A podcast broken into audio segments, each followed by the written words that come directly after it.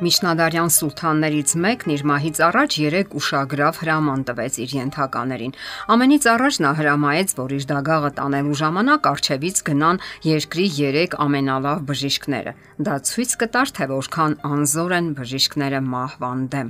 Ապա հրամայեց, որ թաղման երթի ժամանակ ողջ ճանապարհին դրամներ եւ ոսկիներ թափեն։ Դա ցույց կտար, թե որքան ունայն եւ անզոր են դրամները մահվան դեպքում։ Եվ վերջապես հրամայեց, որ որ իր մարմինն այնպես դնեն դագաղի մեջ, որ зерքերը դուրս մնան եւ լինեն բաց վիճակում։ Դա էլ ցույց կտար, որ նա իր հետ ոչինչ չի տանում այս աշխարից։ Մաթեոս Ավետարանի 24-րդ գլուխը հրաշալի նկարագրում է մեր ժամանակները, ինչպես նաև Քրիստոսի երկրորդ գալուստը։ Երբեք երկիր մոլորակն այս վիճակում չի եղել։ Մարդկային անհանդուրժողականությունն ու ատելությունը հրեշավոր հանցագործությունները հեղեղել են երկիրը։ Կրոնական պատերազմներ եւ մանր ու խոշոր լայնածավալ բախումներ։ Մարդիկ հուսահատության մեջ կարճում են այն ամենից, ինչից միայն հնարավոր է։ Փորձում են դրամների, կապերի ու ծանոթությունների ուժով լուծել այն, ինչը պարզապես հնարավոր չէ։ Նրանք փորձում են առողջություն գտնել լավագույն կլինիկաներում եւ լավագույն լավագույն բժիշկների մոտ, իսկ դրամը դարձել է նրանց միակ հույսն ու ապավենը։ Այսօր բազմաթիվ գիտական եւ պատմական փաստեր հաստատում են, որ մեր երկիր մոլորակը շատ լուրջ ճգնաժամի մեջ է։ Ամեն ինչ վկայում է այն մասին, որ Քրիստոսի գալուստը մոտ է եւ քարոզվում է Քրիստոսի երկրորդ գալստյան լուրը։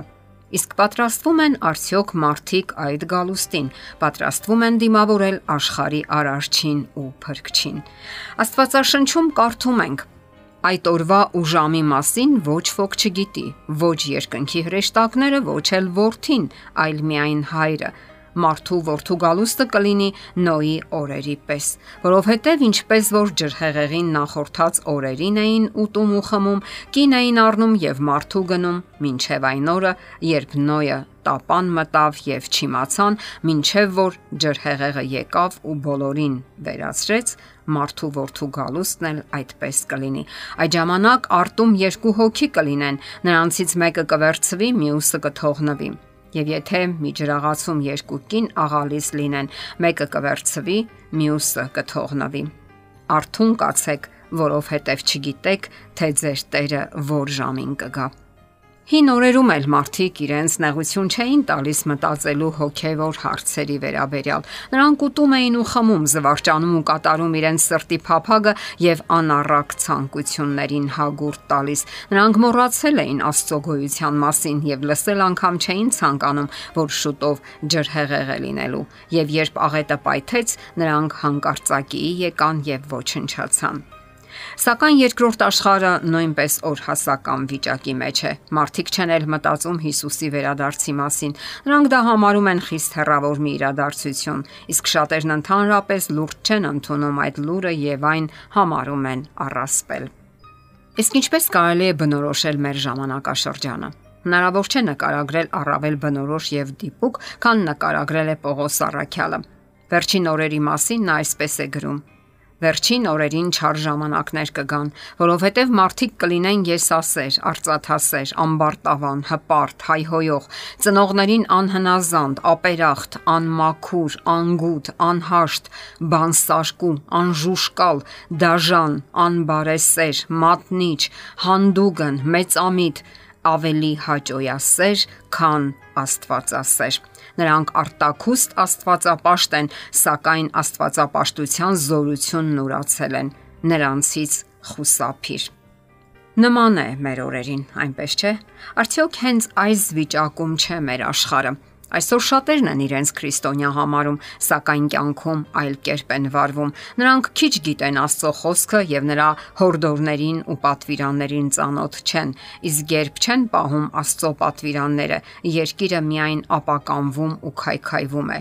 Իմաստուն Սողոմոնը այսպես է գրում. Բոլոր խոսքի վախճանը լսենք, Աստվածանից վախեցիր եւ նրա պատվիրանները պահիր, որովհետեւ սա է ամեն բան մարդու համար։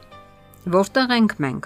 Որտեղ է գտնվում այսօր մեզանից յուրաքանչյուրը, ինչով ենք զբաղված։ Կարողանում ենք տեղ հատկացնել Աստծուն մեր կյանքում, թե բավարարվում ենք ձևական խոսքերով, որոնք ոչինչ չեն որոշում։ Կարողանում ենք կանոնավոր ուսումնասիրել նրա խոսքը եւ այն կիրառել մեր կյանքում։ Մենք ձևական քրիստոնյա ենք, թե Աստծո հետ հարաբերությունը մեզ համար կենսական կարևորություն եւ նշանակություն ունի։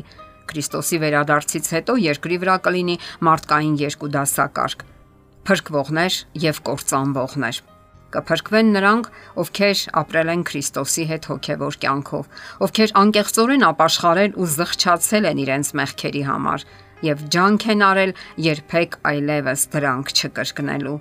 Իսկ ովքեր չեն հավատում Աստծուն, անկասկած կոչնչանան։ Չեն փրկվի նաեւ նրանք, ովքեր ապավինել են իրենց մարդկային արժանինքներին կամ հույս ունեն, թե այսպես կոչված քրիստոնեական երկրում ծնված լինելը իրենց լրացուցիչ առավելություն է տալիս։ Մեր ապավինությունը եղել եւ մնում է Աստված, ով իր պատվիրանների միջոցով մեզ հետ է պահում ամեն տեսակի վտանգներից եւ տանում է փրկության։ Հակառակ դեպքում մենք մնում ենք եւ կմնանք մեր մեղքերի մեջ։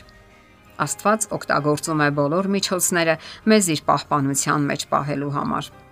Համաձայնենք Աստծո հետ եւ ապրենք նրա հաստատած կանոններով։ Իսկ որտեղ ենք մենք եւ ինչ ենք անում փրկվելու համար, այսօր է ժամանակը այդ մասին մտածելու։ Եթերում ղողանջ հավերժության հաղորդաշարն է։ Հարցերի եւ առաջարկությունների համար զանգահարել 033 87 87 87 հեռախոսահամարով։